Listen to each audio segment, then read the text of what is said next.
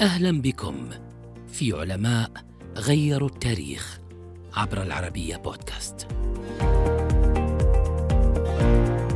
بعد عام من وفاة الرحالة الإيطالي ماركو بولو عام 1324 الميلادي كتبت انطلاقة الرحالة الأعظم في التاريخ محمد بن عبد الله الطنجي المعروف بابن بطوطة فهو رحالة ومستكشف مسلم ولد في المغرب عام 1304 الميلادي.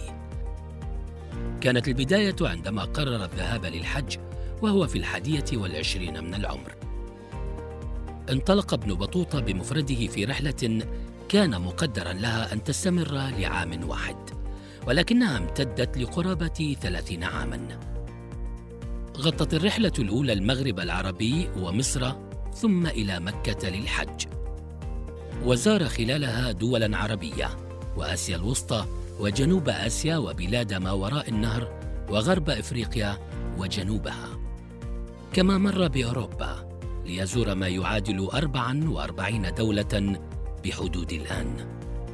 تزوج عشر مرات أثناء رحلاته وله أبناء في أماكن مختلفة بإفريقيا وآسيا. أقام في الهند تسعة أعوام وشغل منصب قاضي المذهب الملكي. بعد فترة خاف أن يطاله ظلم السلطان فهرب إلى الصين. ومن الصين عاد لموطنه المغرب لأول مرة بعد 24 عاما من رحلته الأولى ليستقر في المغرب بشكل دائم ويأمره السلطان أبو عنان فارس بتدوين رحلاته وأسفاره. لتخرج للنور تحفة النظار في غرائب الأمصار وعجائب الأسفار. دون فيها أمير الرحالين المسلمين خمسة وسبعين ألف ميل قطعها في رحلاته. بخلاف الثقافة وعجائب المدن يضم الكتاب معلومات في الجغرافيا والأنثروبولوجيا والفن.